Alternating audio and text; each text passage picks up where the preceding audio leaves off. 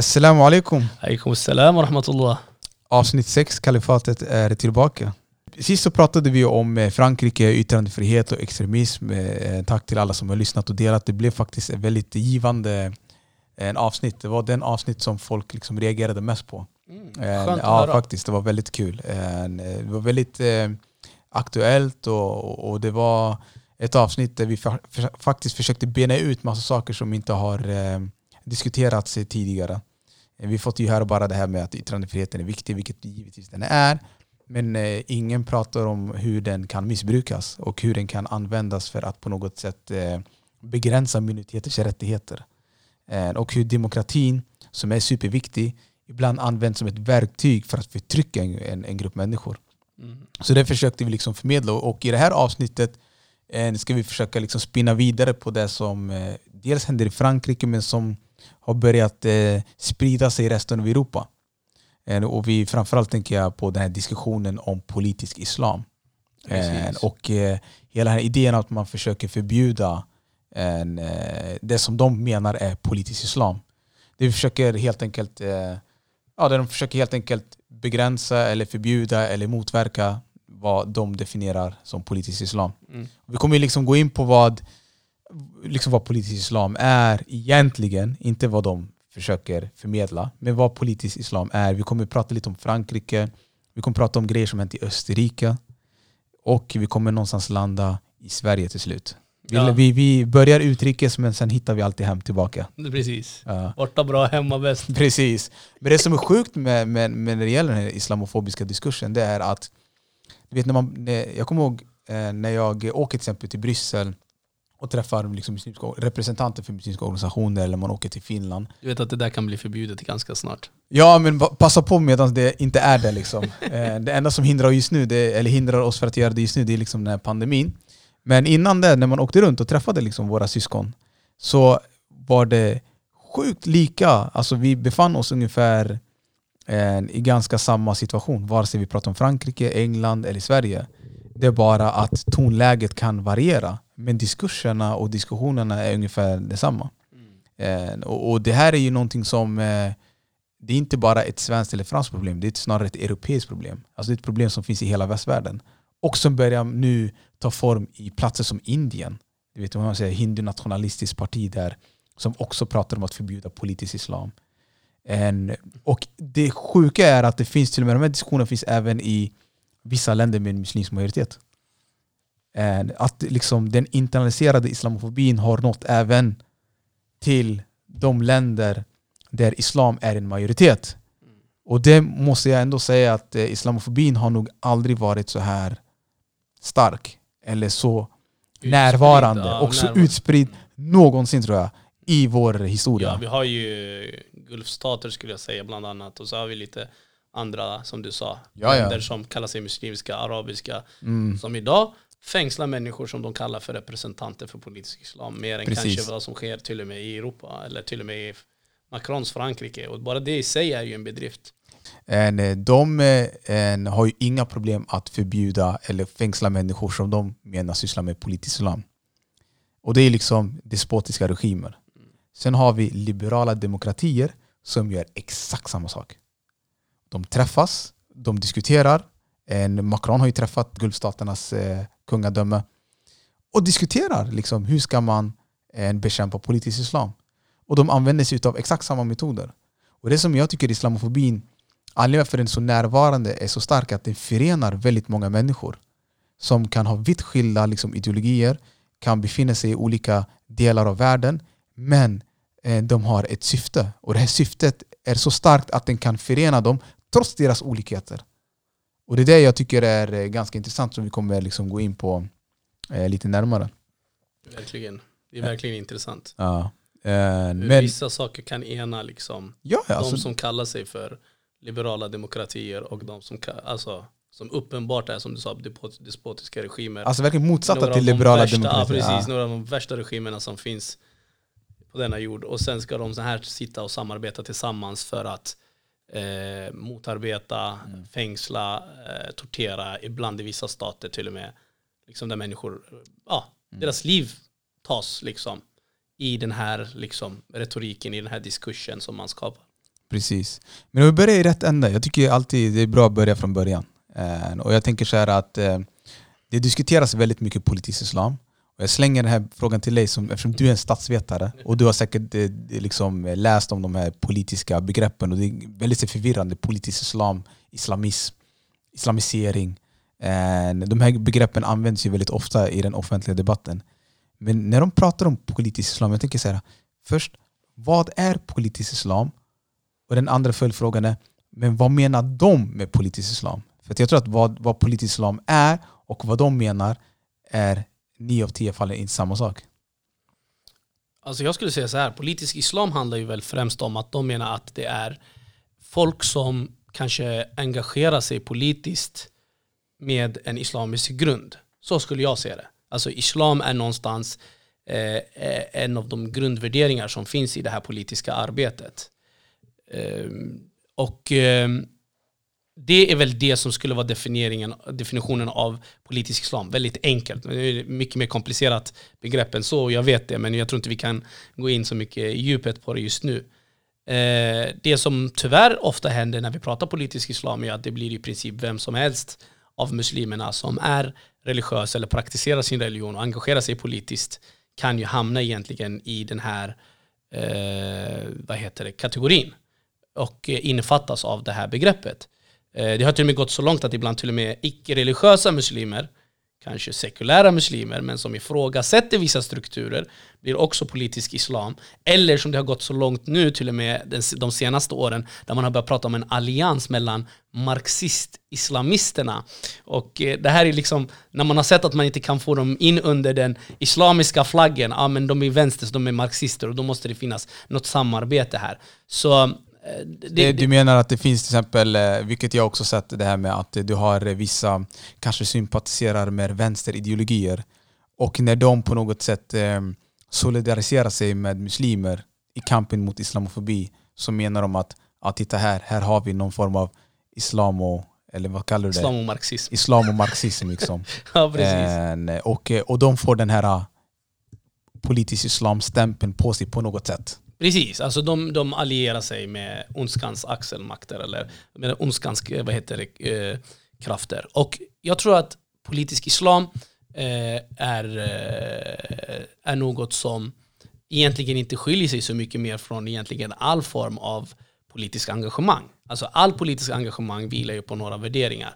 Och det finns ju människor som engagerar sig i islamisk eh, eh, liksom grund och så finns det de som gör det ur till exempel kristen eller eh, vad heter det, till och med kanske judisk. Och det här har ju funnits egentligen genom historien, speciellt eftersom religion var det som var kanske dominerande också i, i, i tidigare, i alla fall till och med i västvärlden, så har ju religion alltid haft en betydelse i politiken. Det här kan ingen blunda för. Men än idag, även när nya eh, icke-religiösa ideologier, eh, ideologier som grundar sig i eh, ekonomiska frågor eller eh, engagerar sig i rasrelaterade frågor oavsett om det är nazismen, eller om det är kommunismen eller om det är liberalismen. Det här är olika ideologier som vi ser idag som växer fram eh, lite senare under modern tid. Och eh, när de här ideologierna växer fram så organiserar sig människor och arbetar politiskt utifrån de här eh, värdegrunderna som de säger att de står för. Så att någon skulle engagera sig och påverkas av de värderingar som de bär på är ju, det är ganska absurt att man ens gör det till en, eh, en, en stor fråga. Alltså egentligen, alla utgår ju från någon form av värdering och sätter gränsen vid den. Och jag tror att vi var ganska tydliga med det förra veckan när vi pratade om yttrandefriheten. Att om man tittar på Frankrike till exempel, att ja, men yttrandefriheten, vi måste försvara yttrandefriheten.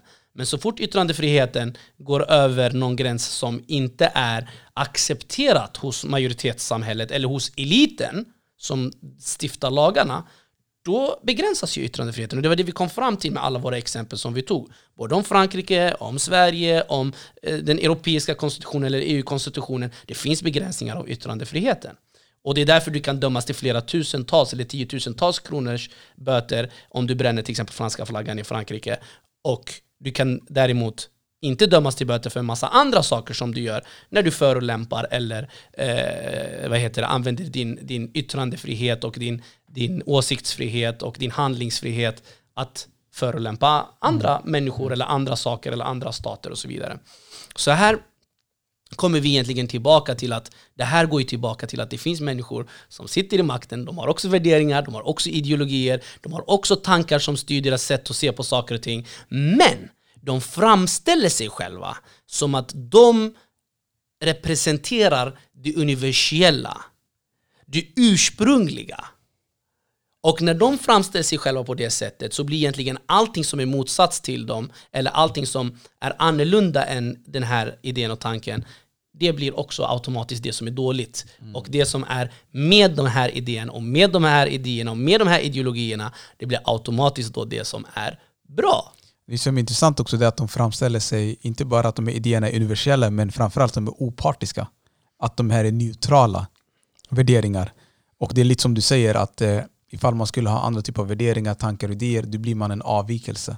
Precis. Och det som jag tror att det, anledningen för att vi lever i den nyliberala eran, det är bara för att nyliberalismen de har på något sätt varit extremt duktiga på att positionera sig som en ideologi som är neutral. Mm.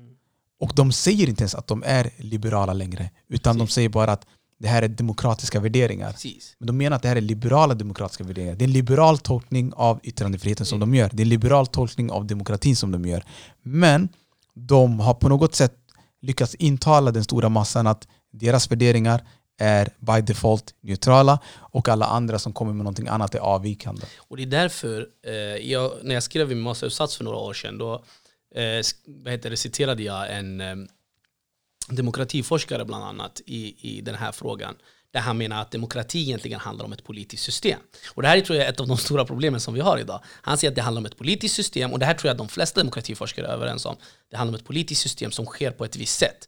Det, det kommer ursprungligen från folkstyret. Det handlar om ett politiskt system som ska ge folket rätt att vara med och styra. Uppenbarligen, det är det som är demokratin.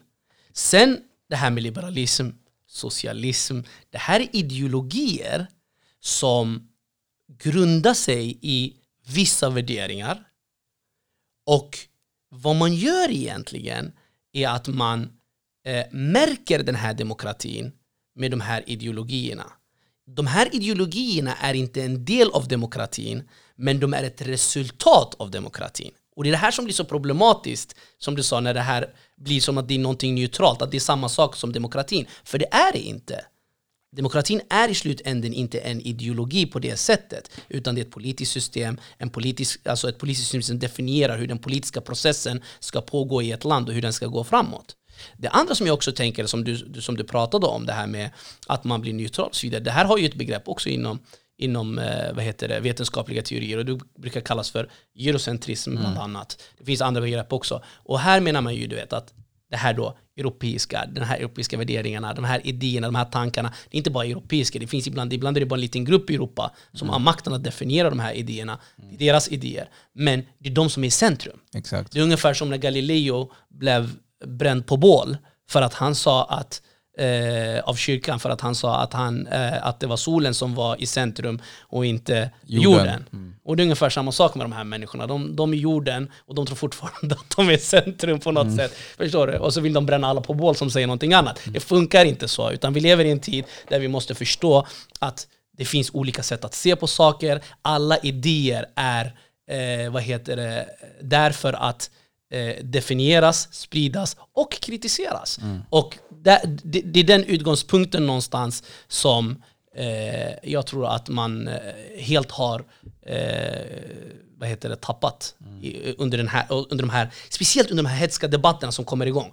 Då försvinner ju allt sunt förnuft och då, då finns inte det här, den här egentligen eh, vad heter det, vad ska man säga, den rationella egentligen Nej. utgångspunkten som alla borde ha. Nej, precis. Och politiker oj, de vill ju vinna val oftast. De vill ju liksom vinna en opinion och då kanske man eh, fokuserar på att eh, hitta strategier på hur man kan eh, vinna människors känslor snarare att eh, driva efter liksom, det sunda förnuftet som du säger.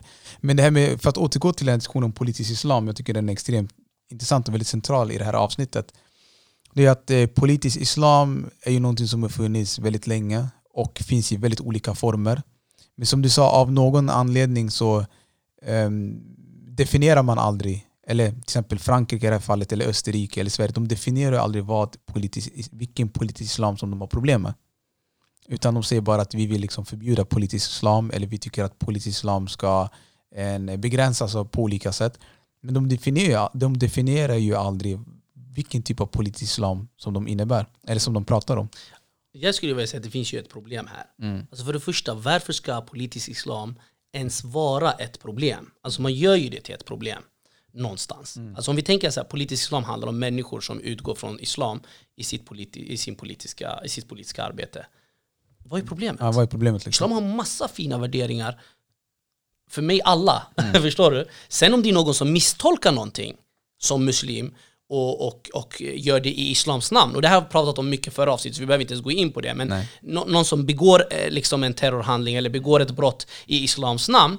Fine, det är inte någonting som, ska, som islam ska stå för. Men politisk islam som defi- per definition borde inte vara något problem. Islam förespråkar massa fina värderingar som rättvisa, som eh, vad heter det, eh, eh, vad heter det eh, jämställdhet, som massa frågor som islam idag inte får eh, ens nämnas i närheten av, vilket är, är, är helt otroligt. Och sen nummer två, om politisk islam är resultatet av folkets val, är inte demokratin, hela idén med demokratin, folkstyret?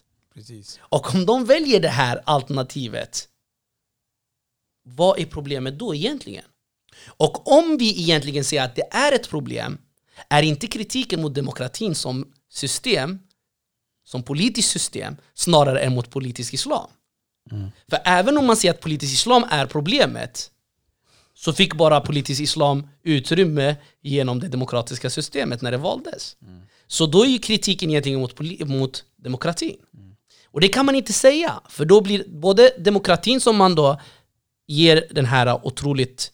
Eh, Som man värnar om eller? precis värnar om och ger den här ovärderliga positionen eh, liksom, eh, som en av eh, den moderna civilisationens eh, bästa påfund att ha ett demokratiskt system blir problematiskt. Och sen blir det också problematiskt när man säger att demokratin ska ju gälla folket och folket, där ingår ju alla och när man då automatiskt vill utesluta vissa krafter så blir det ju ett problem. Och det här kommer vi titta på tror jag lite längre fram. Precis. Men vad jag försöker komma fram till egentligen är att om man kritiserar politisk islams existens, som man gjorde till exempel efter den arabiska våren, när flera, det som man kallar för, då för islamistiska partier blev framvalda, eller individer som höll på med politisk islam, då är ju ännu en gång, kritiken är ju egentligen emot det demokratiska systemet som gav eh, de här personerna ett intresse. Eh, Precis. eller förlåt, en Ja, plats. men det är, det är lite som du säger, för att eh, jag tycker så här att eh, det, det, jag förstår det som logiken som att ja, ni ska gå till demokratiskt. Nu pratar vi om länder med muslimsk majoritet Mm. i samband med arabiska våren till exempel. Egypten, Tunisien eh, och så vidare.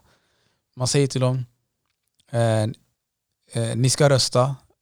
Varje person som har rösträtt ska gå till valurnan och rösta och ni ska välja liksom era kandidater. Men sen när de blev missnöjda av resultatet så sa de typ ja men ni har röstat på fel kandidat. Men det är Ja. rösta. Ja. Jag brukar alltid säga så här, Rösta med rösta rätt. Precis. Ja. Alla val handlar om rösta. Ja. Men just när det kommer till Mellanöstern, Nordafrika och vissa andra muslimska länder, men främst Mellanöstern och Nordafrika, då är det rösta, men rösta rätt. Precis. Det Och är det- inget snack om det. Och det, du vet, speciellt i länder som Frankrike, men även Sverige, när de diskuterar de här frågorna så eh, pratar de om muslimer som eh, små barn som inte kan fatta sina egna beslut. Precis, vet och observera att det här är ett faktum. När jag säger så här, rösta med rösta rätt gäller för Mellanöstern och Nordafrika. Det här är ett faktum. Det finns hur mycket vetenskapligt bevis på det Ja, som ja, helst och hur mycket erfarenhet som helst. Vi har Egypten, vi har Algeriet på 90-talet innan arabiska våren. Vi har massa exempel där Gaza, det går fel och det slutar i krig, det slutar i, i blockad som i Gazafallet, det slutar i massa saker. Så här, det här är inte någonting som jag och du så här, håller på och konspirerar om eller något sånt där som vissa för utan det här är ett faktum. Till och med Google vet om det. Ja, så ja. ni kan googla i värsta googla. fall. Alltså, det här är ingenting som vi behöver egentligen ens, tycker jag, eh, debattera. Eh, Så, så absolut, du har helt rätt. Rösta, men rösta rätt. Men eh, vi går till eh, Frankrike. Eh, där har det hänt mycket saker sedan vi spelade in vårt senaste avsnitt. Eh, bland annat har man stängt ner många muslimska organisationer som ett resultat av att man vill liksom förbjuda politisk islam.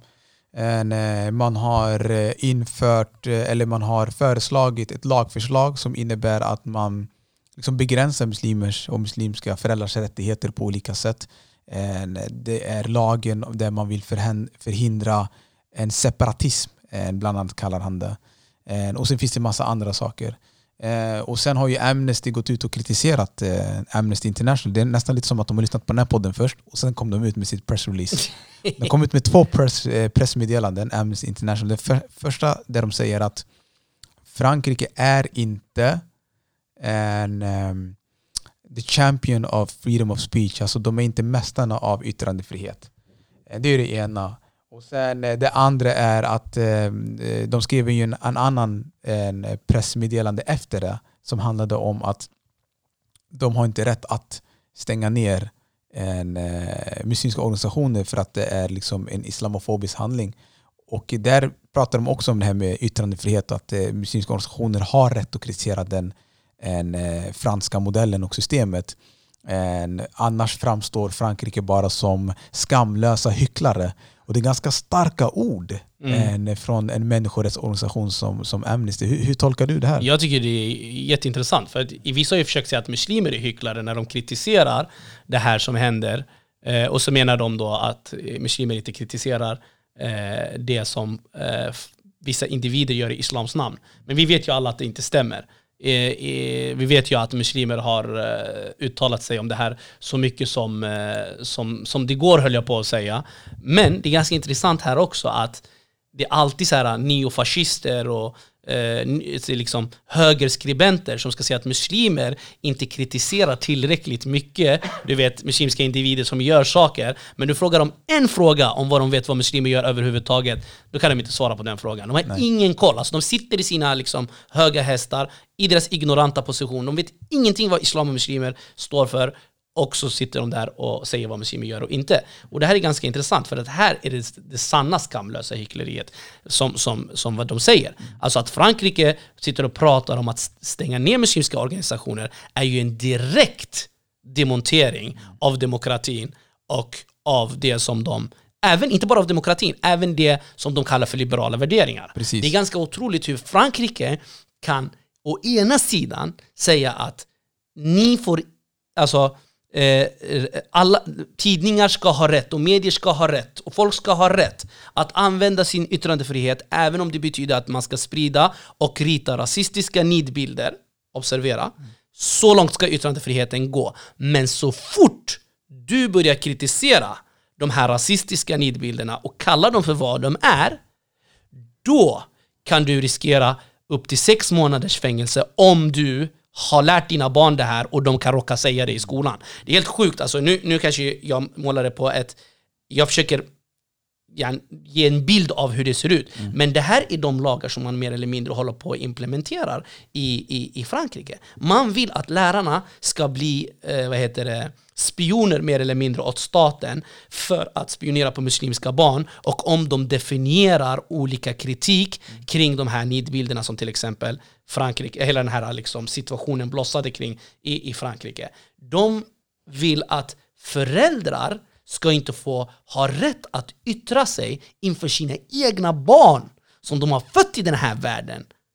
Okej? Okay? Fostrat och matat. De ska inte få yttra vissa av deras åsikter framför dem för att de eh, riskerar att förlora sina barn. Mm. Det, det, är ganska, det är ganska sjukt vad den här, ja, ja. den här franska utvecklingen är nästintill skrämmande. Mm. Och att majoritetsbefolkningen i stora delar av Europa fortfarande inte fattar betydelsen av det här. Och det, det, är inte bara deras fel, för det pratade vi om förra, förra gången. om Vad är det våra medier fokuserar på? Jag menar, ingen, jag har inte sett i alla fall, jag kan ha fel, men jag har inte sett en enda svensk media som har kritiserat de här lagförslagen som Frankrike faktiskt håller på och formar nu och som de vill eh, ska gälla inom en snar framtid.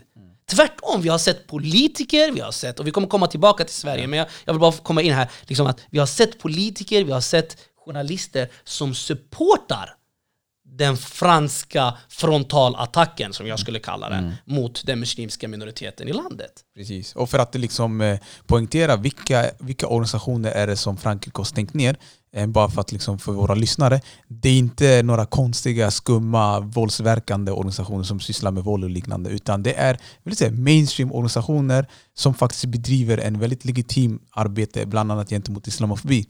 Där har de gått ner och stängt och upplöst en liksom, demokratiskt vald styrelse. De har gått in i organisationen och bara upplöst den. Staten har gjort det. Samtidigt som, eh, som de har eh, liksom nazistiska och högerextrema organisationer som faktiskt har blivit catchade när de har planerat eh, en attentat gentemot eh, minoriteter. De organisationerna finns fortfarande kvar och de är fortfarande verksamma. Men man har upplöst En, de muslimska organisationerna. En antirasistisk organisation till en exempel. muslimsk antirasistisk organisation. Och det här är ganska sjukt för att eh, det här visar ju en, ännu en gång liksom på, på det, det, det sjuka i hela, i hela den här frontalattacken. Alltså att genom den här debatten som man skapar och genom också självklart att vissa individer som kallar sig muslimer begår vissa eh, vad heter det, handlingar som är, som är eh, liksom, eh, oacceptabla på, på alla möjliga sätt och vis så, så sätter man igång den här tsunamin emot- muslimerna och den muslimska minoriteten. Och varför jag säger så här, nämner de här muslimerna, alltså även de här muslimerna som gör de här handlingarna, alltså, jag kommer säga det här en gång till, det får stå för dem. Och de ska dömas för det de gör. Men vad man gör egentligen, och vad Macron gör och hans regering och hela det här, den här liksom kören som sjunger med, det är att de utnyttjar de här individerna som begår de här brotten för att straffa människor som faktiskt inte begår brott. Och det är därför det var så intressant. Det var någon som sa så här, han sa, vet du vad Frankrike? Om du som start, här, eh, vi, vi pratade om honom, pratar om eh, eh, Yassir, aktivisten eh, eh, Yassir eh, Louati. Louati som, som pratade, han är ordförande för en, en Eh, Rättvis och Rättvis frihet för kommittén. Precis, Ja, för alla, För alla i liksom. kommittén. Mm. ja. Eh, ja, vad heter de? Vi ska se nu exakt. Rättvis och frihet för alla kommittén, eller Ja. kommittén för rättvisa för alla. Ja, precis. Och han, och han säger så här, liksom, om Frankrike har någonting som stat, han är från Frankrike också så att vi fastställer det. Han säger, åtala dem. Mm. Det är ganska enkelt. Har du bevis på att de här människorna begår brott, åtala dem. Men det är så mycket enklare när du kan ha såna här godtyckliga definitioner av vad som är till exempel politisk islam, vem som är till exempel islamist. För då kan du ju hålla på och ta människor och upplösa deras organisationer och demontera demokratin genom att försvara demokratin. Vi Jag hör ironin. Ja, ja, det är ironin. Och jag tänkte precis ställa den här frågan. Han var ju, Emmanuel Macron var ju i, på Al Jazeera och förklarade varför eh, han eh, vill implementera det här lagförslaget, lagen mot separatism, som det finns en rad punkter inom det eh, lagförslaget. Men kon, det handlar egentligen om att man vill förbjuda politisk islam. Och då säger han att jag vill skydda muslimer från terroristerna eftersom 80% av alla liksom, så kallade våldsbejakande islamistiska terrorister, deras alltså offren i största del är andra muslimer. Så då ska han straffa de muslimer som inte är terrorister genom att straffa muslimerna som är terrorister. Precis. Och det, Eh, det, det, det, det är det som är grejen. Han, all, det finns ingen logik i det han säger. Att å ena sidan säger han att vi har ett problem med terrorism och de flesta offer för den typen av terror är andra muslimer. Mm. Och därför vill jag liksom introducera det här lagförslaget. Och det här besannar ju det vi sa förra veckan, eller för förra veckan, när vi spelade in i alla fall sist. Det, här det, det här bevisar ju det vi sa. Vi sa ju att Macron, han hade gått ut på Al Jazeera vid det tillfället. Precis. Och då sa vi ju det att, alltså, alltså vi, vi, vi analyserade det så, att Macron gick ut enbart för att lugna ner situationen. Bojkotten mot Frankrike, sved, eh, det internationella, eh, vad heter det, den internationella bilden av Frankrike eh, blev, vad heter det, negativ eller dålig. Och då går han ut och börjar säga att jag förstår hur ni känner. Och ju, det är ju muslimerna som drabbas mest av den här terrorn. Och vi är emot de här terroristerna. Men ändå går de och stänger ner till exempel organisationer som inte har något med terror att göra. Nej. Men som är väldigt kanske kritiska mot hur franska staten beter sig. Och hur den begränsar en minoritets rättigheter inne i landet. Det är väldigt tydligt också att han säger de här sakerna men samtidigt kan hans inrikesminister gå ut och hetsa mot muslimer några dagar senare efter att vi hade gjort vårt avsnitt.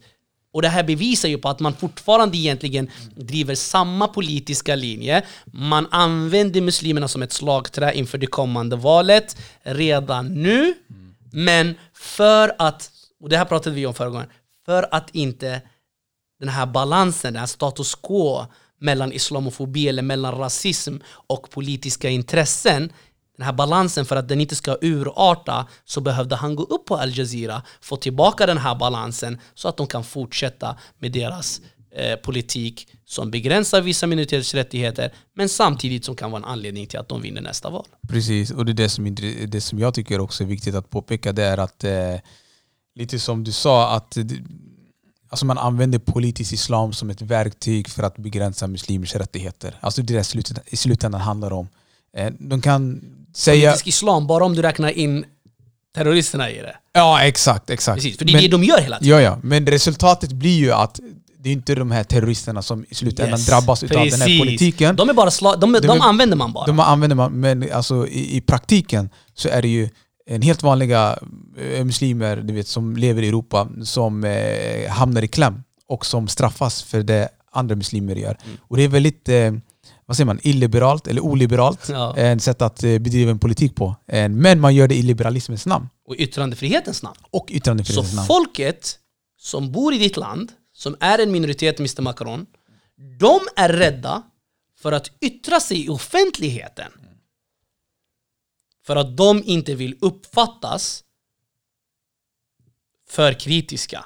Precis. Observera. De censurerar sig själva. De censurerar sig själva. Och det är det som han... Och så pratar man om franska värderingar. Ja. Hela den här debatten, hela den här diskussionen. Sen Macron började dag nummer ett med att hetsa mot muslimerna har handlat om att skydda franska värderingar och en av de här värderingarna är yttrandefriheten. När den här läraren dödades, eller mördades, så blev den här debatten ännu hetare och det blev ännu mer yttrandefriheten och franska värderingar. De här lagförslagen, eller om de har blivit, jag vet inte om de blivit lag än, mm. de handlar om att man ska anmäla föräldrar som kan sprida fel idéer till sina barn, till exempel om karikatyrerna och karikatyrernas betydelse i yttrandefriheten. Mm. Så man försvarar franska värderingar ännu en gång, och man försvarar de franska värderingarna och speciellt den franska värderingen yttrandefrihet genom att själv censurera en minoritet i landet. Alltså det är helt absurt alltså.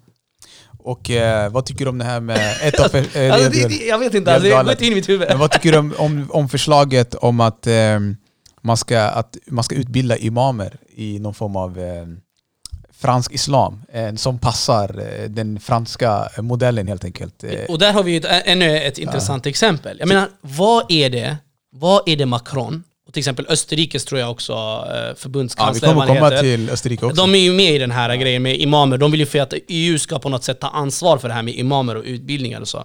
Och då undrar man så här, vad är det ni ska lära de här imamerna om islam som de inte redan vet? Och sen tänker man så här, okej okay, finns det imamer som säger fel saker? Ja, men det finns imamer som säger rätt saker. Och jag menar om Frankrike kommer in i det här spelet, ska plötsligt de här som säger fel saker börja säga rätt, eller? Är det det de menar? Eller menar de att de flesta imamerna säger fel. Och om de flesta imamerna säger fel saker, vad är det för saker Macron vill egentligen att de ska säga? Och du, det, alltså det här är för mig intressanta frågor. Jag tror att Macron vill att imamerna ska applådera Macron när han och hans regering kommer med antimuslimska lagförslag. Jag tror att den här Österrikes president, han vill också att de här imamerna ska prata som buktalare för staten. Vilket är helt sjukt för en demokrati och ännu mer sjukt för en, för en liberal demokrati eftersom liberalismen handlar ju i slutgrunden i grund och botten om individen och att individen ska ha sin frihet där staten inte ska lägga sig i överhuvudtaget. Och här ska staten börja definiera åt muslimerna vilka åsikter de ska ha, eller deras imamer i det här fallet. Mm. Ursäkta mig, jag vill inte vara en sån, men det låter typ som Saudi.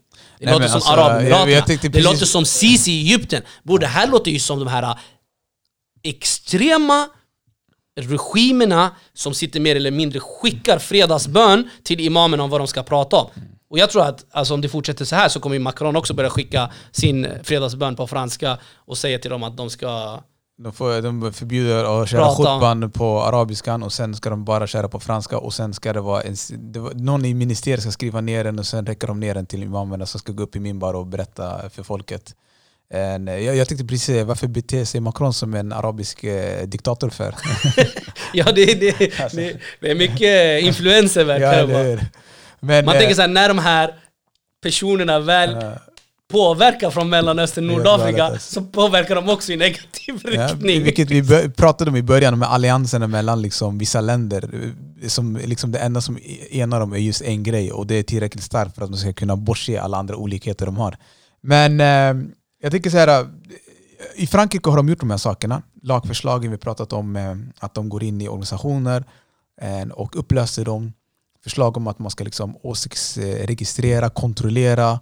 Eh, nästan så policing, jag vet inte ett svenskt namn eller svensk beteckning för det, men att man liksom är någon form av övermyndare eh, och där man ska kontrollera vad, vad muslimer tycker och tänker. Alltså det är inte längre vad muslimerna säger utan nu handlar det om också man ska försöka kontrollera vad, de, vad man får tycka och tänka och inte. Och, och genom lagförslagen som har med att man ska ha någon form av imamutbildningar Ja, men och det är ju sådana så, saker. kontrollerar du idén, eller Ja. tanken, då kontrollerar du ju också Tungan. uttalandet. Mm, mm. För uttalandet grundar sig i tanken. Precis. Och det är ganska absurt att de, att de efter hela mänsklighetens historia tror att man kan kontrollera tanken. Jag, jag hörde en gång en amerikansk eh, professor prata eh, några år efter att eh, det, handlade, det var ett seminarium som handlade om Afghanistan som var här i Sverige. Och han pratade om USAs krig i Afghanistan några år efter då eh, att USA hade eh, gått in i eh, militärt i Afghanistan. Och han säger så här, eh, han pratade om då också med här, eh, det kom de kom in på det här med att USA gick dit för att det var terrorism och, och, och så och, och det fanns terrorister där och, och så vidare. Och han sa någonting ganska intressant som jag faktiskt kommer ihåg sen den dagen och som jag tycker liksom eh, egentligen borde vara utgångspunkten hos en människa som inte tycker om en idé eller som inte tycker om någonting som någon annan tänker eller tycker. Inte att försöka tvinga honom, för då håller människor bara mer fast vid det egentligen. Så han sa så här, han bara, vi i USA, han bara, vi har gjort ett stort misstag, sa han. Han sa, för de här personerna som vi är där för att göra oss av med, som till exempel Al-Qaida, han sa, det som vi glömmer är att det är en idé. Han bor i USA, så tror vi att man kan bomba bort en idé. Okej? Det har inte Och- funkat hittills. Ja men det är det han sa. Ja. Han sa, i USA så tror jag att man kan komma och bomba bort en idé. Och det här var bara några år efter. Tänk dig om de hade lyssnat lite på den här professorn och lite andra människor som är smarta. Då sa han, men egentligen, om du vill bli av med en idé, så är ju lösningen att du kommer med en bättre idé. Precis. och så hade säkert sparat ett par miljarder. Alltså jag menar, någonstans kan man ju jobba på olika sätt. Man kan jobba Ja. med att, att visa. Men problemet är ju att de vägrar ju, vissa som Macron till exempel och hans gäng, de vägrar ju fatta att varför de inte lyckas med att komma med en, med, med en bättre idé. Och, och varför jag säger att de inte lyckas med det, det är för att uppenbarligen så eh, är den här um, liksom frontalangreppen som de begår nu och, och, och de här begränsningarna av frihet som de försöker komma fram till. Det är ett uppenbart exempel på, varför, att, att de misslyckas med det som de vill. Och varför de misslyckas i min värld är för att de inte lyckas komma med en bättre idé som den här killen säger. Och varför lyckas de inte komma med en bättre idé? Jo, för att det, det är inte fel på idén som de kommer med, men implementeringen av den, där den gäller för vissa och inte gäller för andra, det gör att de människor som inte får nyttja friheterna på samma sätt ser det här hyckleriet och därför aldrig accepterar den här idén. Det är ingen människa som någonsin, någonsin kommer acceptera innerst inne att någon, oavsett om det är en individ eller om det är en stat, som behandlar dem annorlunda än en annan individ. Aldrig. Och den här dubbelmoralen, det här hyckleriet, de har helt rätt Amnesty när de säger det här är Skamlösa hyckleri. hyckleriet. Det här skamlösa hyckleriet är den största anledningen till att sådana som Macron aldrig kommer att kunna övertyga om sina idéer. Och eh, för att eh, toucha lite Österrike innan vi, landar i Sverige tänker jag. I Österrike har de tagit ett steget längre. De har ju fängslat människor, alltså individer. De har inte bara upplöst organisationer. Utan de har gått in och, eh, häktat personer som de anser sysslar med politisk islam. Och bara häktat dem. Nu vet jag inte hur den här rättsprocessen ser ut. Jag vet inte om Jag de är heller. fortfarande fängslade eller häktade. Men bara för någon vecka sedan så var de häktade. Ja. Jag läste om det, men jag har som sagt inte heller några detaljer förutom det som jag har läst i, i vissa medier. Och det, Det har varit extremt tyst dock. eh, Att Yes. man liksom häktar eh, en eh, helt 30-tal tror jag. 30-tal personer. Helt 60 razzior tror jag eller något liknande. Precis, och det här är ju människor som eh, eh, tillhör eller tillhörde eller representerar eller representerade en, etablerade muslimska organisationer i Österrike. Ja, det är så det berättas just nu. Mm. Det är som som- sagt, det är väldigt lite information. Jag har Nej. inte läst speciellt mycket om det. Inte ens i engelsktalande media har det varit speciellt mycket om det här. Så, men det har varit lite engelsktalande. Och det här är någonting som är intressant, för du, nu touchar du ju någonting som är, som är här nu. Nu kommer vi tillbaka till de här begreppen. Politisk islam, islamisering, islamister. Det här är ganska intressant. När, ni, när liksom fascister och högerextrema partier pratar om islamisering av Europa så pratar de ju uppenbarligen om islam. De pratar definitivt inte om politisk islam och de pratar inte om eh, vad heter det, terrorister eller extremister utan de menar ju att vi alla muslimer ingår i någon sorts komplott där vi håller på att islamisera den här eh, kontinenten. Mm. Antingen genom att sprida våra idéer eller genom att föda våra barn. Uppenbarligen, den här idén finns, den är väl utspridd hos dem och den här konspirationen är eh, i, i deras värld en, eh, en sanning. Ja, den kallas för till och med Eurabia Precis. Precis. Och de snackar ju till och med om att arabländer är med i det här och de pressar för att de har oljepengar och Europa är i behov av olja och de tvingar dem att acceptera islam och muslimer. Det finns så mycket konspirationer. Och den, de här, eh, när vi pratar liksom det här som händer i Österrike kanske så jag vet inte riktigt som sagt i detalj vad som händer så jag ska inte säga att det har 100% med det att göra men vi har i Sverige, om jag får toucha lite här också Sverige igen Ja, Vi har ju haft en politisk eh, vi islamdiskussion kan i Sverige också. Ja, vi kan gå in på i Sverige direkt. Ja. Där har vi också haft den här liksom, att man, att man klumpar ihop, och det gör ju medier hela tiden, inte bara i Sverige, att man klumpar ihop alla politiskt aktiva muslimer under fanan politisk islam. Eh, man klumpar ihop alla religiösa muslimer som är politiskt aktiva under politisk islam. Och man klumpar alla individer som engagerar sig politiskt och tycker islam är viktigt i deras liv eller är någonting viktigt för, för, för världen att ta del av genom att bara liksom eh, stå upp för sin religion är islamister. Och det här blir så problematiskt. För då har du ju en definition som är så vidbredd att du kan i princip stoppa in vem som helst i den. Och då tänker du, eller tänker kanske vissa, varför är det så viktigt att stoppa in? Jo, för att man har redan definierat politisk islam och islamister som någonting dåligt. Och det är därför man hämtar terroristerna, eller de som begår de här terrordåden i islams namn, och beskriver dem också som islamister och beskriver dem också som att de håller på med politisk islam. Så att det negativa som vi ser efter de här terrordåden, när människor är döda eller vad det nu är som de här människorna har begått för brott, det blir definitionen av politisk islam och islamism. När vi har definierat begreppet stoppar vi in Rashid Musa, då blir Rashid Musa automatiskt en dålig människa. Vi stoppar in Mohammed Amin, ja, då blir Mohammed Amin också en dålig människa. Bin Laden är islamist, jag kommer, det var du som sa det någon gång i tiden, eh, vad heter det, Rashid? Du sa Bisama bin Laden är islamist, Mur Mohammed Mursi är islamist och Omar Mustafa är islamist. Och det här visar ju det, det breda spektret, liksom, där, där liksom en uppenbar grundare av en vad heter det, terrororganisation tillsammans med en folkvald president tillsammans med en politiskt aktiv muslim i Sverige vars politiska, vad heter det, Dessutom är aktiv i ett socialdemokratiskt, eller var. som var Ja. precis, och det höll ju typ i några veckor typ, på grund av att uppenbarligen så Sverige accepterar ju inte att alla är med och deltar Nej. i det demokratiska styret. Det, det deras slogan på den tiden var ju att alla ska med. Alla ska med utom Omar eller, Ja, eller alla ska med utom muslimerna eller alla ska med utom Rashid. Alltså förstår du? Alltså det, är, det är som de här inte-rasist-män liksom. Ja. Jag är inte faktiskt. rasist, men du Ja. vet. Men- Afrikaner är så, eller muslimer är så. Precis. Ulf Kristersson han skrev ju en debattartikel eh, för inte så länge sedan. Som där han vill gå ut och förbjuda politisk islam. Eh, Kristdemokraterna dagen efter gick ut på sina sociala medier eh, att de också vill förbjuda politisk islam. Intressant att Kristdemokraterna eh, driver en sån linje.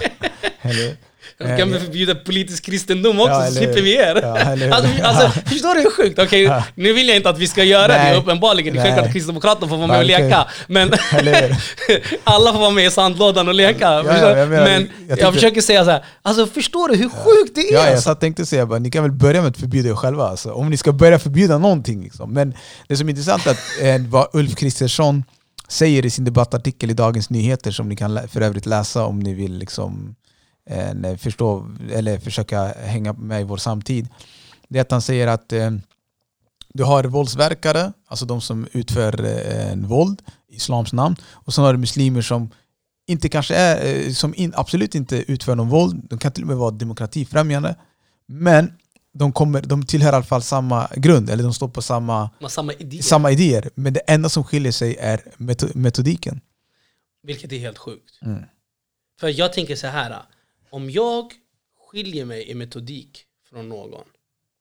Då måste det ju grunda sig i att jag och den här personen inte delar någon åsikt. Eller samma idé. Precis. Aha. Inte alls, Nej. eller delvis. Och då att säga att de här är exakt samma sak, men de skiljer sig bara i metodik. Det är så schizofrent uttalande att man undrar hur Kristersson eh, ens är en kandidat för att bli Sveriges nästa statsminister.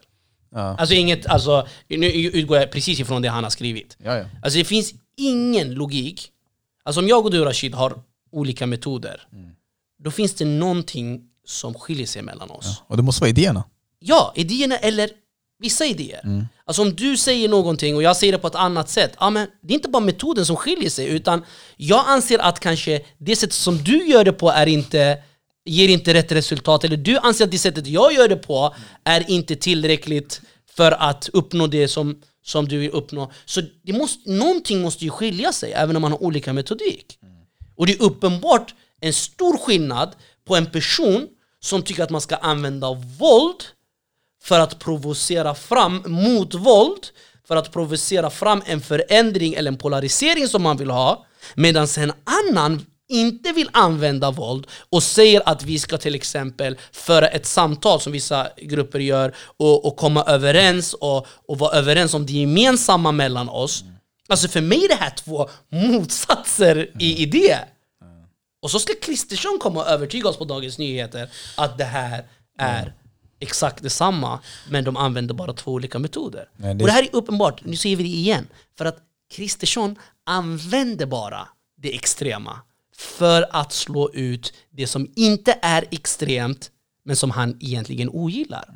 Så han använder ännu en gång de extrema krafterna för att begränsa de icke-extrema krafterna som har en annan åsikt, det är alltså för att begränsa deras rättigheter. Precis. Det är det det är lite som att eh, om, moderat, om man skulle säga så här, typ, Moderaterna och eh, en NMR, en, eh, det nazistiska liksom, partiet, att det, det är samma idéer eftersom båda är liksom högerpartier, men att det är bara metodiken som skiljer sig. Eh, Men jag tror inte att Christ, Ulf Kristersson skulle hålla med mig eh, i, i det här påståendet. Men eh, de här generella och förenklade slutsatserna är väldigt enkla att dra om islam och muslimer. Och om man vill hitta gemensamma saker hos folk och det ska vara det enda, den enda grunden för att man ska vara samma sak.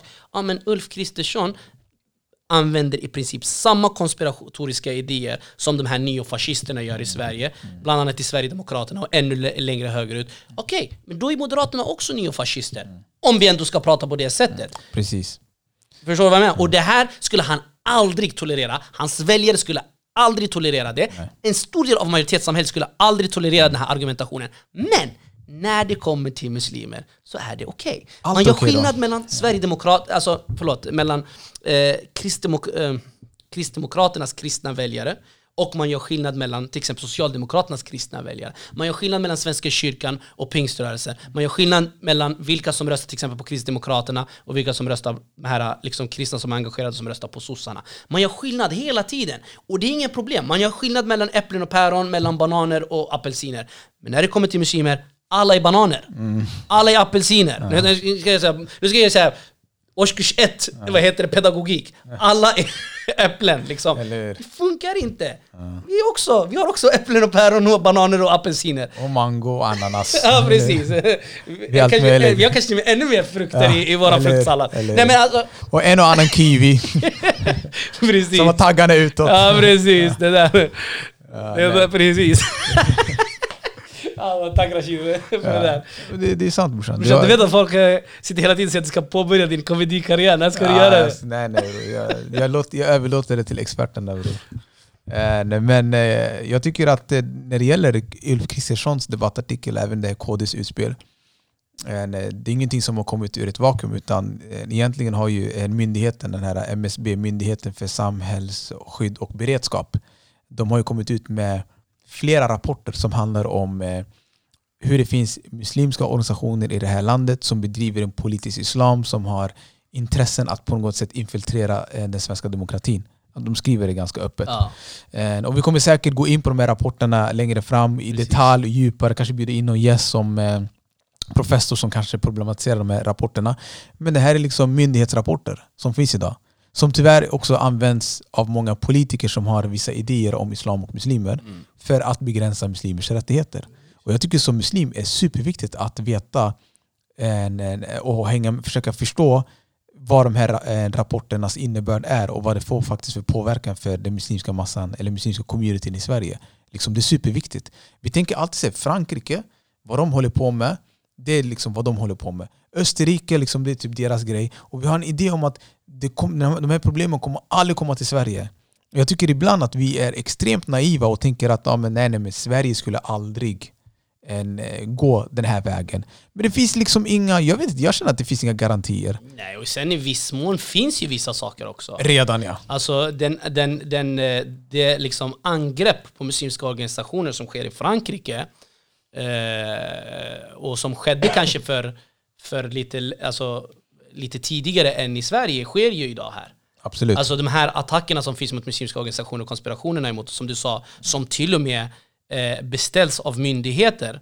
Och det kommer vi inte gå in på nu, för jag tror att det där behöver ett helt eget avsnitt.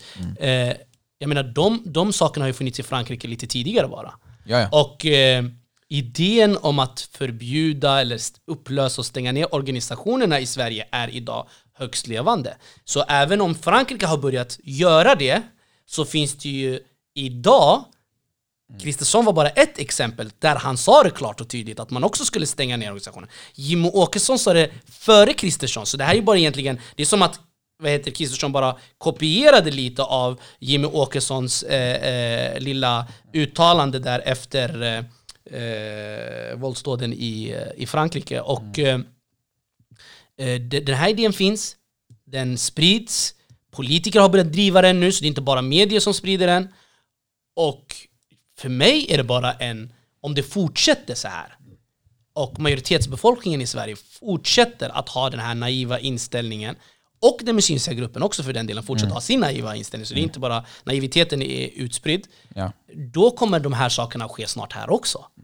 Eh, jag, jag menar till och med att till exempel Sveriges Unga Muslimers exempel, eh, som båda vi två har varit engagerade i, är ju ett praktexempel på att det har börjat även här. Ja. Man gjorde det på ett annat sätt. Eh, man använde andra medel, men egentligen blev ju slutresultatet eh, detsamma. Ja. Så, så jag menar ju absolut att det, jag håller med dig. Alltså den här naiviteten måste vi vara väldigt eh, försiktiga med. Och även som sagt, det är inte bara politikerna, de, de har ju börjat driva det här, vissa politiker. Jag menar, istället för att engagera sig i hur vi ska rädda våra pensionärer från corona och, och andra saker, så sitter de här och, och rabblar om att muslimer eh, håller på att ta över Sverige och, och håller på med, sin, med sina konspirationer. Och det här visar ju på att de här människorna eh, liksom eh, vill, är helt, helt, helt besatta av islam eh, och eh, håller på med det som också, om vi går tillbaka till den här Yasser-aktivisten Ah, som sa, Yasser, som, eh, Louati. precis, som, som, som definierade det som islamodiversion, liksom, Ja. där man använder islam för att missleda befolkningen för de frågor faktiskt som är viktiga. Eh, och, och, och de politiska misslyckandena som sker. Och det här är ingenting nytt med muslimer, utan det här gjorde man ju mot judar på, på 30-talet också. Liksom. Alltså man skyllde eh, liksom den extrema fattigdomen i Tyskland efter första världskriget på judar och, och allt möjligt som, som, som skedde. Så det här är ingenting nytt, utan det här är bara liksom upprepningar som sker på olika sätt. Och våra medier är där och agerar buktalare och trumpeter och megafoner eh, åt, åt de här konspirationerna precis som de eh, gjorde under Nazityskland eh, eller innan en, vad heter det, nazismen och när nazismen även började sprida sig i Tyskland men även i delar av, av Norden inklusive Sverige. Man sprider exakt samma sak. Och vi har haft så mycket högermedier sen, det här hände, sen den här senaste konflikten, eller vad ska, jag vet inte vad man ska kalla den, den senaste konflikten i Frankrike, eller vad heter det, Frankrikes senaste angrepp på Ja. den muslimska minoriteten så, så kan man se det klart och tydligt i svenska medier. Expressens höger, som är, alltså, liksom ledarsidor och Svenska Dagbladets ledarsidor. Och, Ja, alltså, de, har de har varit vidriga, helt alltså. rabiata alltså. Vidriga. De sitter och säger mer eller mindre att man ska stänga ner organisationer. Men de ska ha fullständig yttrandefrihet och full frihet att skriva exakt det de vill. Men att de ska skriva att andra människors friheter ska begränsas, helt okej. Helt absurt ännu en gång. Och, alltså, jag vet inte, det finns, det finns inget ord för att beskriva det. Men Amnestys skamlösa hyckleriet kanske är en, en delbeskrivning av deras beteende. Definitivt. Och jag tycker det här var en väldigt bra avrundning faktiskt på det här avsnittet. Eh, Och vi kommer definitivt eh, spinna vidare och köra någon form av del 2, 3, 4 och kanske 5 också. Att det här ämnet är ju väldigt aktuellt och att det är ett ämne som eh, är väldigt angeläget som vi måste vara väldigt vaksamma över. För att jag upplever att Frankrike, Sverige, Europa generellt börjar gå åt allt mer totalitärt samhälle. En lite mer fasci, fascistisk eller eh, liksom, ja, semifascistisk just nu i alla fall. Man, man börjar krypa sig in. Och du vet, fascismen en, det är inte så typ en knapp man kan bara sätta på och stänga av. Utan det är, det är en process. Och den kryper sig in i, i samhällen. En, och jag, jag är lite orolig över att vi ändå står där och tänker hur, hur hamnade vi här? Det kommer vi att göra. Ja, jag tror också det. Folk gjorde det. De gör Ja. det fortfarande. Ja, hur hamnade vi här? En, och, och, och du vet att om vi inte stannar upp ibland och liksom tar tempen i vår samtid då kanske vi kan förebygga vissa av de här sakerna. En, och jag vet inte, jag hoppas i alla fall med det här samtalet och den här podden att vi kan väcka de här sovande, eller inte sovande själarna, men folk som kanske är för mycket i det här hamsterhjulet. Ja, och väcka li- ja, precis. Du vet, här, Sätta som- igång tankeprocessen tankarna, liksom, lite och Ja. bidra med något perspektiv. Och Jag- som du sa, det tar tempen i samtiden. Problemet är att vi människor har en tendens att alltid ta tempen När det är för sent. när det är för sent. När febern är liksom, eh, håller på När att ta koll febern på har oss. tagit koll på eh, vad heter det, eh, människan, då sätter vi tempen för att kolla om han har feber. Eller om man lever ens. Precis. ja, nej, men Ja, det är sorgligt. Man skrattar men Ja, ja, man alltså, undrar jag vet ibland om man inte, ska jag- skratta eller gråta Nej, men jag vet inte, jag personligen också, jag är lite mentalt förberedd på att, jag ska vara ärlig med Ahmed Amin, alltså jag, funderar, jag är mentalt förberedd att du och jag kommer säkert sitta i de här häktade, alltså precis som våra syskon i Österrike och det som i Frankrike. Det kanske inte Hoppas jag idag, inte. kanske inte, men jag tror om jag tio inte. år, om vi är kvar i det här landet, så tror jag, men, men eh, jag vet inte, jag känner ändå att det kommer vara värt det eftersom eh, en, eh, någonstans måste man eh, stå upp för, eh, för våra rättigheter och det är superviktigt och man ska inte skrämmas över den här utvecklingen heller. Man ska utan- inte självcensurera sig Och man ska folk gör. definitivt självcensureras utan man ska bara kavla upp ärmarna och, och bjuda på en match liksom och säga att okej men det här är våra tankar, det här är våra idéer och vi, inte, liksom, vi skäms inte för vilka vi är. Eh, vi, har en, en, eh, vi är stolta över det vi, det vi tror på och jag tror också att det den här självförtroendet måste vi faktiskt börja en, liksom implementera i vår vardag överallt vi är. Att vi inte ska gömma oss för vilka vi är, vi ska inte gömma över vår existens utan att vi ska vara liksom stolta individer och känna att ja, men det här är vår plats och vi har lika mycket rätt som alla andra. Och vi vill inte ha varken mer eller mindre utan vi vill ha precis samma rätt. Nej, precis. Mer än så är det inte. Nej, mer än så är det inte. Liksom. Eh, Och om det finns människor som försöker begränsa våra rättigheter, då kommer vi adressera det. Vi kommer påtala det, vi kommer organisera oss och vi kommer liksom peka på var problemet är. Precis, för vi förstår, om inte vi gillar en idé, då kommer vi med en En bättre idé. bra tack för det. Så eh, med det så säger vi assalamu alaikum. Alaikum salam wa rahmatullah. Bara det och inget Ingenting mer. annat.